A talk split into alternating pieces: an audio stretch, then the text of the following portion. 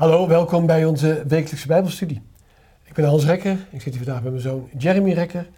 En we gaan samen les 8 doen. Ja. Les 8 van Sabbat 20 mei 2023. En die gaat over Henoch en oefening. Nou, we gaan in deze les kijken welke oefeningen dat zijn. En we gaan ook verder meer studeren over Henoch. Ook al is staat er in de Bijbel best wel weinig over. Maar de getuigenissen zit des te meer. En welk mooie voorbeeld we aan hem kunnen nemen uh, in de huidige tijd. Voordat we dat allemaal gaan doen, vragen we eens de zegen van de Heer met Jeremy. Trouwe, dierbare Vader in de hemel, we komen over uw troon der genade om dank te zeggen dat we deze mooie les overheen nog mogen behandelen. We vragen of u alsjeblieft met uw Heilige Geest in ons midden wilt zijn en in ons harten wilt komen wonen. En dat we toch, als net als het grote voorbeeld Jezus en in dit geval ook dat voorbeeld van Henoch mogen aannemen, dat we toch elke dag met u mogen wandelen en dat we u wil mogen aannemen. Dat toch ook een zegen mag zijn voor onszelf, maar ook voor de mensen thuis die deze video kijken. Dat zij er toch ook een mooie en betekenisvolle boodschap uit mogen halen. Hier bidden we voor uit genade alleen in Jezus' naam. Amen. Amen. We hebben het nog steeds over dit lesboekje over de periode voor de zondvloed. Dat is even de tijdsbepaling weer. En als je daarheen nog kijkt, dan, nou, dan leefde die ongeveer, hè, ik wil niet precies zeggen, maar zo ongeveer 600 jaar tot 1000 jaar na de schepping. Ja. Dus ver voor de zondvloed, hè, dat is even belangrijk. Want we weten dat ze zo Methuselem, die werd bijna 1000. En die stierf precies in het jaar van de zondvloed. Als je ja. Hij zat een beetje op de helft. Ja, een beetje op de helft, ja. ja. Tussen, de, tussen de schepping en de zonsvloed. En de zondvloed, ja precies. Dat ja. bedoel ja, met ja, ja, op de helft. Ja, dat is Henoch. Uh, en, en voor de rest in de Bijbel is een mooi voorbeeld over hoe hij in een moeilijke tijd leefde, wat we kunnen zien. Want het gaat over oefeningen. En welke oefeningen wordt hier dubbel bedoeld eigenlijk? Nou, en die, de oefening die Henoch deed voor zijn geloof, dus om zichzelf Ja? te oefenen, zeg maar, elke dag. En zijn, oefende hij met God en wandelde hij met God. Maar er worden ook een aantal oefeningen voor gezondheid naar voren gehaald. Ja. En hoe we onze eigen gezondheid kunnen bevorderen. Want ons lichaam is de tempel van de Heilige Geest, in ieder geval dat geloven wij. Ja. En dat we dus in die zin, door middel van ons denken en ons doen, God kunnen eren. Precies. In de- deze les kan je heel goed zien dat geloven gaat niet alleen over je hoofd, maar gaat ook over je lichaam. Ja. En dat is wat, wat je mooi heeft samengevat. De tekst lezen we niet vandaag. Ja, sorry, we lezen wel vandaag. Maar bij vraag 4, daar gaan we er echt op in.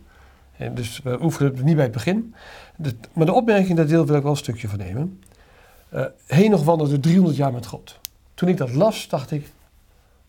Zo, als ik nu nog 300 jaar met God zou moeten wandelen, dan moet je oud worden.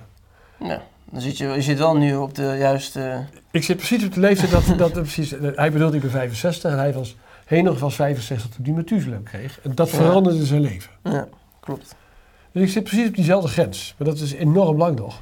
Maar als je het in de Bijbel leest, dan denk je, ja, in die tijd was het helemaal niet zo oud. Dat was ook niet zo bijzonder. Ze werden in die tijd eh, echt 800, 900, bijna 1000 jaar.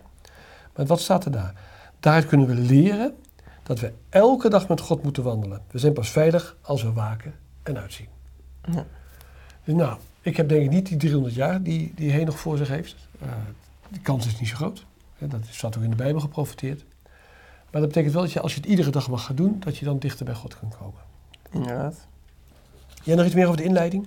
Nee, Dan, dan gaan we naar de eerste vraag. Een geestelijke wandeling. Dat is precies het eerste deel wat je bedoelde over van de Mhm. oefening. Nou ja, dat is een beetje warm worden, hè, we hebben het er een beetje over gehad. Hè. Hoe, lang, hoe en hoe lang wandelde nou heen nog met God? maar we lezen inderdaad in Genesis 5 dat hij nog 300 jaar wandelde met God. Ja, Nadat hij eh, een zoon had gekregen, Methuselem. ja, En daarin zag hij, zeg maar, doordat, zag hij hoe, liefde, hoe de liefde van een kind volledig vertrouwde op een vader. En dat openbaarde voor hem eh, ook de liefde van God. En daarmee, vanaf dat moment, wandelde hij elke dag met God. Ja bij, bij hem ging, hij was al gelovig, zullen we maar zeggen. Ja, Maar ineens werd hij er uiteindelijk toch tot... tot bezinning, het kwartje, Ja. het kwartje viel. Het kwartje viel echt, ja precies. Ja. Dat, is, dat is leuk, hè, dat je als je wat ouder bent blijkbaar, dat, het ook, dat er nog steeds hoop voor je is. Dus ook voor de oudere Mhm. kijkers, als je denkt van ja maar, moet ik nu nog bekeren? Ja, het is, de bekering heeft ook op hoge leeftijd nog zin. Ja. Het is niet zo dat je denkt, dat kan niet meer. Want heen nog is het beste bewijs dat het kan. Maar het is niet zijn, zijn eerste kind. Hè. Daarna heeft- staat er mooi, verwekt hij nog Ja, zonen en dochters. Ze kwamen nog, Klopt. zijn gezin was een stuk groter dan alleen maar Methuselem. Maar daar, dat was de verandering. Dat was voor een verandering, ja. Maar ehm, onder welke omstandigheden, dat is een beetje het de tweede deel van de vraag, hè, leefde hij nou? Dus hoe zag de wereld eruit in zijn tijd? Nou, Henoch leefde dus ongeveer wat ik net zei, in het midden van de... eh, schepping en de zonsvloed. Tussen de schepping en de zonsvloed Ja. in. En een aantal dingen die er toen nog echt wel eh, bijzonder waren, die we nu niet meer zien. Dus we weten dat mensen toen veel meer levenskracht hadden, veel meer levensenergie, omdat ze waren veel minder gedegenereerd van het perfecte Ja. voorbeeld. Dat was Adam, een perfecte schepsel. Ja. En ze hadden nog een aantal bijzondere dingen. Dus de natuur was nog, onge- was nog niet zo'n ongerept. Nou, de dieren waren schuw, maar de bergen zoals we die nu hebben, die waren er toen nog niet. Nee. Dus eh, dat is bijzonder. Ze hadden het Hof van Ede Ja? alsnog. eh, De engelen waren zichtbaar bij de poort daar. ja, Ja. en eh, nou, de manifestatie van God, die, die was daar zichtbaar. En daar werden dus ook werden vaak offers gehouden en de diensten gehouden. En dus er waren heel veel dingen waarin, nou, Adam was er nog, Precies, Adam leefde nog. Adam leefde nog. Kon getuigen wat er gebeurd was. Ja. En er waren nog zoveel getuigenissen. En daarom vond ik zelf ook de, zin in de opmerkingen heel bijzonder en heel interessant. Waarin Mhm. staat: De toestand van de wereld was toen niet gunstiger voor het perfectioneren van een christelijk karakter dan vandaag de dag. Nee. Terwijl je misschien zou denken: ja, maar ho even, ze hadden, Ja. ze hadden, de, ze hadden de Hof van Ede, ze hadden Adam, ze hadden toch zoveel dingen. Dan, dan zou geloven toch veel makkelijker moeten zijn. Ja. Dat zeggen we dan heel vaak. Dat zeggen we misschien ook, hebben misschien ook de neiging om te zeggen over de tijd van Jezus. Ja, maar ze hadden Jezus. We hebben internet. Het is dat toch veel makkelijker. Ja, ja. Maar inderdaad, het is eigenlijk om een christelijk karakter te vormen, is het, is net zo zwaar als vandaag. Er staat niet voor niks. De aarde was verdorven voor Gods aangezicht. En de aarde was vol met geweld. Nou, dat is tegenwoordig niet anders. Ja. En het verbaast mij iedere keer wel weer dat het zo vlug naar de schepping al gebeurde. Maar mensen werden ouder. Eh, en dat betekent ook ouder eh, en steeds perfectioneren in het slecht doen. En in het goed doen. En in het goed doen. Dus je zag dat ook steeds meer escaleren allemaal. Ja. Dan gaat er nog één vraag, dat hebben we nog niet gehad. Waar woonde hij nou? nou niet exact de plek, zijn adres we hoef je we niet te geven. niet precies eh, Nee. wel wat zijn eh, postcode was, maar we weten dat eigenlijk heen nog woonde op de plek waar, het, waar hij het gezondst kon leven. Ja, En dus niet verleid kon worden door toch de, nou, door de Kanaïten. ja, Dus door de nakomelingen van, Ka van Kain. ja. die daar in grote steden woonde. En het bijzondere is dus, hij, hij woonde daar niet, maar het betekent niet dat hij dus niet... Er kwam. eh, hij, hij kwam er dus wel. Ja. Want hij kwam daar natuurlijk als, met een boodschap. En dat lezen we zo meteen later ook in de les. Maar hij woonde niet in de stad. Precies. Ja. En wat mooi is, hè, als je de opmerking leest, dat, dat is best gewoon fijn om te lezen ook. Eh, dan zie je dat als hij nou zijn evangelie had gebracht en dan ziet dan nam hij die mee naar huis. Ja, Om verder te studeren, maar ook vanuit de, verlokkingen van de wereld weg te halen. ja, hij wist dat, het als, dat ze er vanuit getrokken moesten worden. Omdat ze anders toch te makkelijk weer in de zonde kunnen vallen. Hij wandelde dan 300 jaar met God. Hè. De tweede vraag gaan we naartoe. Mhm. En wa- wa- wat, dacht hij, wa- wa- wat dacht hij de hele dag nou over? Nou, dus, Dat is bijzonder dat we dat mogen bespreken, hè. de gedachte van Henoch. Ja, dus inderdaad, dus, hè, het wandelen met God. Dus denk je van, oké, loopt hij dan elk, wandelt hij letterlijk met Handje in handje. handje in handje met Ja. God? Of hoe is het dus zo? Maar dat betekent dus dat hij eigenlijk dag en nacht constant eigenlijk de liefde van God en dus Ja. zijn persoonlijkheid en karakter overdenkt. Ja. En dus automatisch daarmee is het dus, de vraag gaat over de wet. Mhm. De wet is natuurlijk ook, dus ook Gods karakter en, is, en dat is ook weer liefde. Precies. En Jozua zegt het heel mooi, hè? in Jozua 1 vers Ja. 8. Dit boek van de wet mag niet wijken uit uw mond. U moet er dag en nacht over denken, zodat u nauwlettend zult handelen overeenkomstig alles wat daarin geschreven staat. En dat was ook de, het Ja. leidmotief voor Henoch. Ja. We gaan met hele grote stappen soms door dingen heen. Ehm, het tweede deel van die vraag gaat over het heden. Want Henoch staat symbool voor een bepaalde groep mensen. Ja. Dat is één van de symbolen over van Henoch. Maar- Henoch had meerdere symbolen, maar een van die symbolen was inderdaad dat hij een voorbeeld was van de 144.000. Ja, Dus een voorbeeld van hen die apart gezet waren worden. en apart gezet worden, Ja. waren en worden, was, in dit geval, want hij was alleen. Eh, en, to- en toch levend ook, zonder de dood te kennen, naar de hemel zullen gaan. Precies, want dat is de, dat is de overeenkomst. Ja. Mhm. Dus het is heel mooi om te weten. Wij geloven dat we in de eindtijd leven. Ja. En we geloven ook als wij nu gered worden, dat we bij de 144.000 horen. Dus dat is een mooie. Daarom is deze les zo prachtig, want het gaat over u en ons.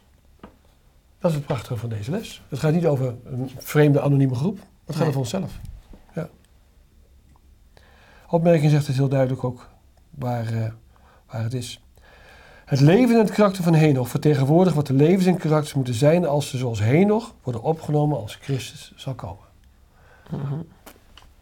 En ik zelf had ook nog precies het stukje daarna onderstreept. Ja.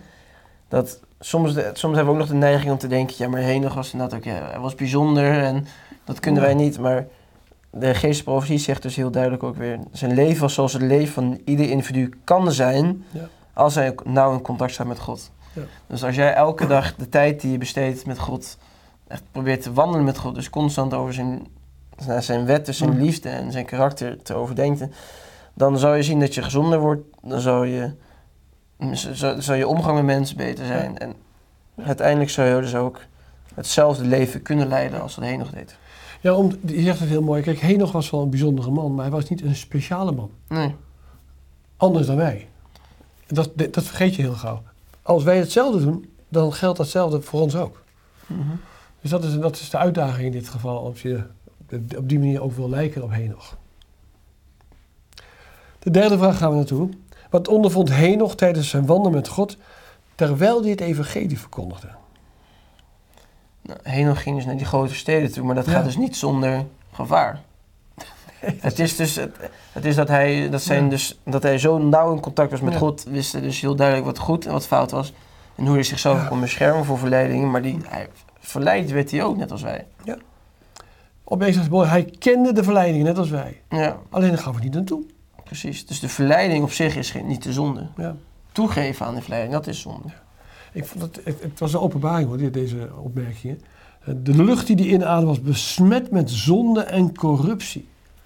Net als die van ons. Ja, nou, dat, was, dat is ook zo gewoon. Ja. Ja. ja. dit- we leven in Nederland en we denken dat we geen corrupt land hebben, maar dat is, ook, ook dat is niet waar helaas. Ja. Ook dat is niet waar. Het kan erger nog hoor, maar het is niet waar.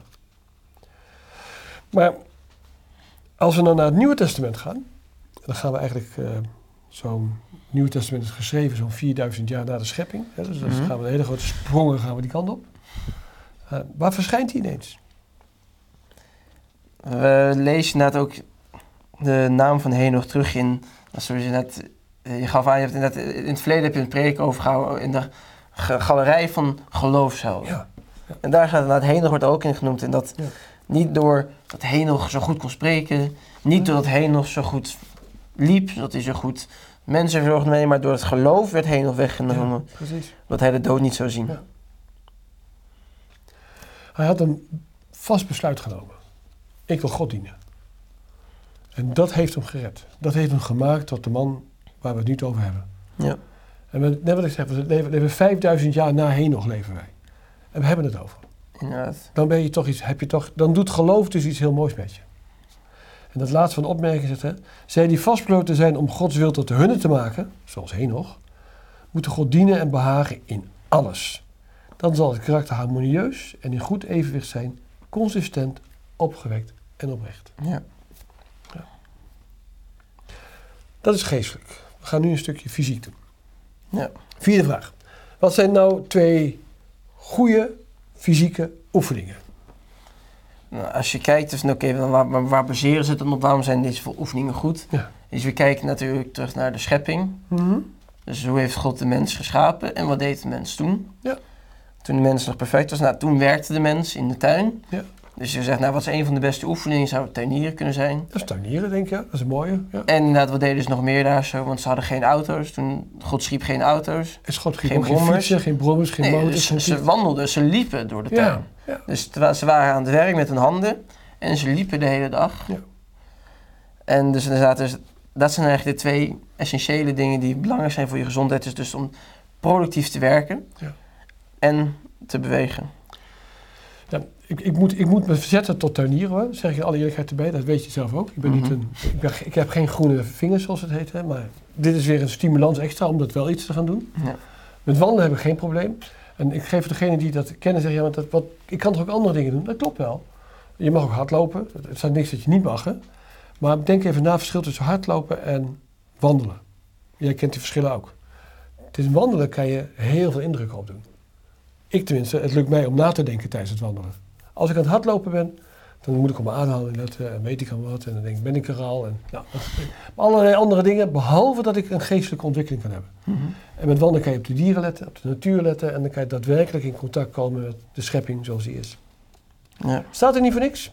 Het staat er niet voor niks. En we zouden inderdaad bij deze vraag ook nog 1 Timotheus Die zouden we ook 4 nog halen. Ja, precies. Want dat En inderdaad, maar, maar waarom? Je kan dus, eh, kijk, is het wandelen, maar tuinieren, maar ik kan ook naar de, naar de sportschool toe. Ik kan, allemaal, ik kan van alles maar, doen. Maar, Maar inderdaad, dus deze tekst staat ook nog heel duidelijk. Maar dus verwerp de onheilige en onzinnige verzinsels en oefen u zelf in de godsvrucht. ja. Want de oefening van het lichaam is van weinig nut, maar de godsvrucht is nuttig voor alle dingen. Ja. Dus het betekent niet dat het niet nuttig is. Nee, het is, van, het is dus van weinig nut. Dus het is te vergeefs. Dus het is, het is te vergeefs om die moeite te doen voor je eigen lichaam. Ja. Als dus niet de godsvrucht eruit kan voortbloeien. Precies. Dus als je heel graag een, mooi lichaam wil hebben, eh, dan, is, dan zijn hier de oefeningen. En is, dan laat dat niet het ideaal zijn. Want we krijgen een mooi nieuw lichaam als Jezus weer komt. Maar God eist wel dat we voor ons lichaam zorgen. Ja. En dat doen we door voldoende rust, de goede voeding en de voldoende beweging. Ja, daar gaat het niet van. Maar uiteindelijk is het allemaal hoop in, is ijdele hoop. Want zodra we 90 of 100 worden, dan is het lichaam ook op. ja, op dit moment helaas wel. Ja, op dit moment. Ja, nee, zeker, zeker. Ik heb het over het heden, hè. Ja. Maar ik vond het een eye-opener hoor. Er is geen oefening zo goed als wandelen. Ik doe het ook graag. Mhm. Het staat in de opmerking heel mooi geschreven. En in de opmerking halen we ook nog een aantal momenten uit. Dus wanneer het goed is om te wandelen. Dus we weten, in ieder geval hier in de opmerking staat nog een keer dat eh, in het stukje van geest, karakter en persoonlijkheid gaat dus, een- oké, we hebben net gegeten, maar hoe minder aandacht er een maaltijd op de maag wordt gericht, hoe beter. Dus Dus uitbuiken. niet, dus niet, oh jongens, ik zit zo vol en riempje openzetten. Nee, dat is een teken van dus weer onmatigheid. Ja. Maar dus, dus als je constant bang bent dat je voedsel u zou schaden, dan zal dat ook zeker doen. Ja. En vergeet, dan vergeet je eigen denk aan iets vrolijks. En, dat, en dat brengt je ook toe in staat, als je gaat wandelen en in Gods natuur bent, dan kan je eigenlijk aan weinig dingen denken dan aan Ja. mooie dingen. Je, je hoort de vogels fluiten, je ziet de zon schijnen. Ja. En nou, daar, word je, daar word je ook gewoon vrolijk van. Dat is mooi hè. Dat is mooi. Dat is mooi. Het is heel goed is om na het eten een wandeling te maken. Hè, Dat Ja. staat er ook nog een keer. Nou, we hebben het over eten en drinken. We gaan het in de vijfde vraag er ook over hebben, maar op een andere manier. En waar moet Gods volk als geestelijke atleten zoals Henoch, denk na over dat geestelijke atleten, eh, moeten we dan van afzien, zoals eh, Petrus en Paulus erover schrijven. Nou, waarin He- Henoch was in die zin zo heilig ap- apart gezet, ook heilig. Ja? En dat weten we dus omdat hij wandelde met God. Maar er zitten wel altijd een paar vereisten aan vast. Dus je kan, doordat je wandelt met God, dan geeft God je ook meer licht over je gezondheid. Mhm. dan, en we moeten dus ook soms jezelf van bepaalde dingen ontzien. Ja. Dus we weten, we weten dat je jezelf moet ontzien van de dingen die je schaden. En eh, Paulus, Paulus schrijft inderdaad ook Ja. over dat zelfs de atleten, de, de goddeloze atleten die voor iets onvergankelijks strijden, voor iets wat, voor een beker, voor een krans, die, Ja. Het gaat om niets. Menselijke eer. Ja. Voor, voor menselijk eer, ze doen maximaal hun best en ze, ontzien zich van diezelfde schadelijke dingen. En hij zegt, ja, wij moeten ook van onszelf ontzien. Maar dan van, omdat wij strijden, voor, we gaan wij strijden en wij lopen een, eh, een wedloop voor iets, voor het vergankelijke, voor het eeuwig leven. Het eeuwig leven. ja.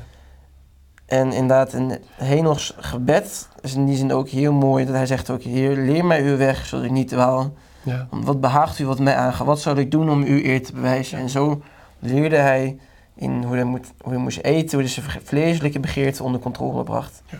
En hoe hij dus die strijd tegen de ziel kon overwinnen. Paulus heeft het echt over discipline.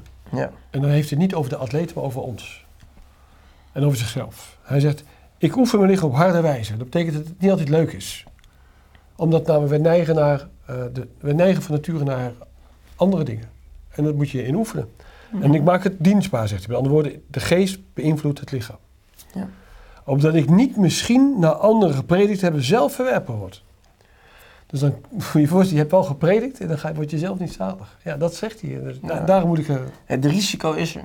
ja, dat is er. Hij, hij, Paulus herkent het bij zichzelf. Omdat hij ook een man is van vlees en bloed, dus van zwakheden. Ja. We gaan naar een waarschuwing kijken. In de zesde vraag komt hij.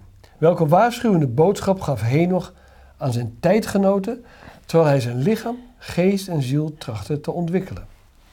Ja. En dat is mooi, die, die, kunnen, die moeten we halen uit het Nieuwe Testament. Dus uit Judas, want die heeft het weer over Henoch. Dus blijkbaar kon die putten uit andere geschriften. Ja, hij waarschuwde dus voor, dat, voor de gevolgen. Want Ja. we vergeten soms dus echt dat... Wat voor voorrecht eigenlijk deze mensen hadden in nog hoe ongedegenereerd hun leven, hun lichaam was. Ja. Want ze konden, dus al, ze konden dus eten van dat vlees en van al die dingen... zonder dat ze daarvan de ziekte ervaarden of dingen. Want het lichaam was zo sterk nog. Want het nog zo erg leek op het voorbeeld van Adam. En hij waarschuwde dus uiteindelijk van op alles wat je doet, zal je ook geoordeeld worden. Ja. En Henoch kreeg ook zelfs het visioen niet alleen van over de eerste komst van Jezus, maar ook over de wederkomst. Precies. Met tienduizenden heiligen dat Jezus dan weer komt. En om over allen het oordeel te vellen en alle goddelozen om hen terecht te wijzen. Dus hij waarschuwde zo van jongens, ik snap dat het nu goed gaat en je wordt oud, maar hij waarschuwde ze bekeer je. Want je zal, je zal al, je zonden, al je zonden moeten verantwoorden. Precies. Kijk, hier heb je ook een tijdsbepaling. Hij wordt de zevende vanaf Adam genoemd, hè, de zevende generatie. Ja. Maar ik vind het zo mooi, niet alleen dat hij dat stuk doet, maar ook dat hij naar het land van Kain gaat.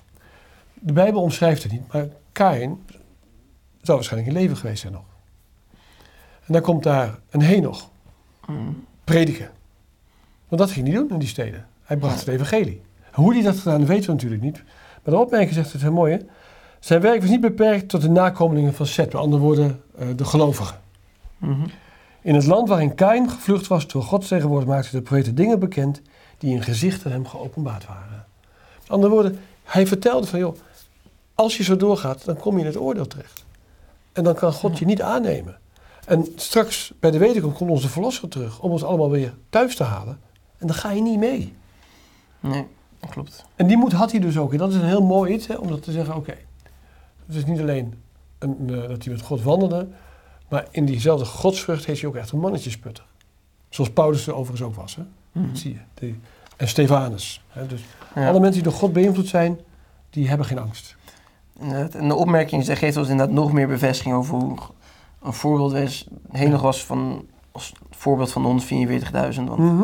we weten dat de vereisten van de 144.000 zijn zij die geboden gods behouden En het geloof en van geloof Jezus. Jezus behouden. En de opmerking zegt daarom ook, het was de geest van Christus die door Henoch sprak. Ja. Deze geest niet alleen openbaart uit van liefde, medeleven en smekingen. Het zijn niet alleen aangename dingen die door de heilige mannen gesproken worden.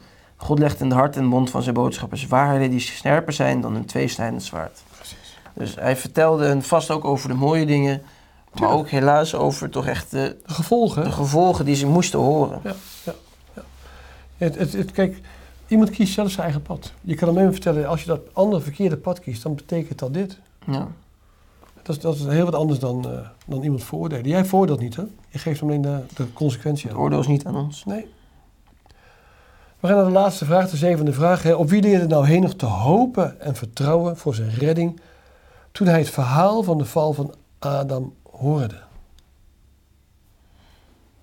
Ja.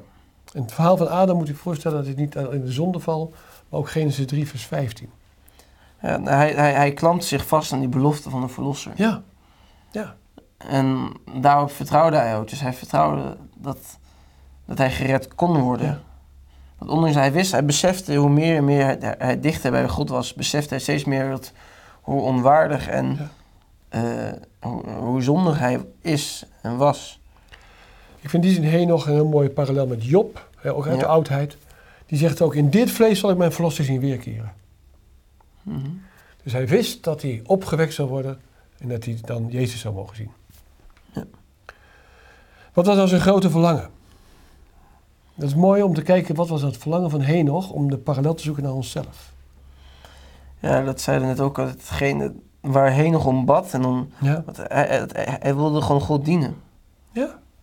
En dat deed hij ook. Dus hij, deed, hij diende God heel eenvoudig. Met, opmerk zeg met, inderdaad met eenvoud van hart. Ja. Het, het hoeft niet complex te zijn. En dat, dat, Job deed dat ook in zijn werken. Jezus deed dat elke dag ook. Ja. Die, deed, die deed de wil van God, van, zijn, van de Vader. En Henoch was het ook. Kijk, in de laatste parallel is het gaat over, er komt een een onherroepbaar oordeel. Mhm. Dat kwam voor zijn, dus in zijn tijd, na zijn dood, na, na zijn opvaring, na de dood van zijn zoon, is de zondvloed gekomen. Waar alle ongelovigen met acht niet dan zijn gedood. En bij ons geldt het ook. En De laatste, wij, dat staat het laatste stukje van de opmerking van, de, van 2 Petrus 3 vers 7 staat hè. Ja. En worden voor het vuur bewaard tot de dag van het oordeel en van het verderf van de godloze mensen. We weten dat uiteindelijk het vuur, na de duizend jaar, de aarde zal reinigen van alle zonden. Het heelal ook. Dat is het vuur. Mhm. En dat is het oordeel wat uiteindelijk iedereen wacht die God niet willen aannemen. Zo hard het was om te zeggen, als je niet oppast, dan zal God een zondvoet geven. En iedereen zegt, van, ja, ha, ha, ha, ha. En wij zeggen, ja, maar als je niet uiteindelijk kom je dan in het, in het vuur terecht. Dan noemen we, tegenwoordig zeggen mensen, bedoel je de hel? Nee, we bedoelen niet de hel zoals de mensen erover praten. We hebben het over het, het, het louterende, reinigende vuur wat God zal uitsturen. Mhm. Inderdaad. We gaan naar eh, verdere studie. Een paar korte eh, punten eruit. Ja, we hebben nu net gelezen, dus oké, we moeten God zoeken Ja. door te studeren, door te bewegen, door te werken. Dus Ja. dat leidt dus erop dus dat er een evenwicht moet zijn in wat we doen. Ja. En het mooie is ook dat op dit moment eh, de moderne wetenschap, die niet altijd, die, nou, de echte wetenschap gaat altijd hand in hand met Gods woord. Maar ook de mensen die niet geloven zijn, die zien ook steeds meer van... oké jongens, we kunnen niet eh, acht uur lang achter een bureau zitten en lezen. Of we kunnen niet alleen maar acht uur lang maximaal fysiek werk tonen. We moeten een afwisseling hebben. Ja. Het moet afgewisseld worden. En dat is dus weer een stukje matigheid in alles wat je doet. En dan zie je ook dus, nou, om gezond te zijn moet er een evenwicht heersen in wat we doen. Onze geest moet hiermee in overeenstemming zijn. En dat is, is ook iets heel belangrijks. Dus dat je geest in overeenstemming zijn. En wat betekent dat nou? En dat komt een stukje naar het willen. En dus dat je, je moet dus ge- vrijwillig, dus gewillig zijn om Gods werk te doen. Om het werk in de tuin te doen. Om nou, te af, af te wassen, wat je ook doet. Het heeft eigenlijk pas zin als je het vrijwillig doet, gewillig doet. En dan doe je het tot eer van God. En dan doe je het tot eer van God. En als je daar, kan je- hoe kan je dat dan het beste doen? Gewoon 's morgens voor bidden, dat je de wil van de Heer mag doen. Ja. En je afvragen, als je dat niet doet, hoe ik dat kan veranderen. Dat, de- dat is de ontwikkeling in je geloofsleven. Zodra je inderdaad iets doet en dat je maar ik heb hier helemaal geen zin in, dan, dan moet je jezelf van afvragen, maar waarom heb ik hier nou geen Ja. zin in? Precies, ja, ja. We hebben een les gehad over Henoch. Eh, het, was, een- het was een les eh, die, die oproept tot actie. Als je deze les kijkt, dan zeg je, oké, je kan hem dicht doen en zeggen van, volgende onderwerp. We gaan het hebben over jabal in de vleesconsumptie bij de volgende les. Maar dat is de bedoeling niet. Het gaat om, betekent nou deze les van Henoch dat je vanaf vandaag iets anders gaat doen? Betekent dat je de wil van God wil gaan doen? Zegt, ik wil de, mijn leven in overeenstemming brengen zodat God blij met me is. In plaats van dat de buurman of de buurvrouw blij met je is. Dat is de, les, de oproep van deze les. Zorg dat geest en lichaam uitgedaagd worden om te- zich te ontwikkelen. En dat kan het beste door het onderwerp van Gods wil. Onze wil is dat, onze wens is dat u uw wil mag overgeven aan God. De Heer zal u leiden. Dat gaat goed.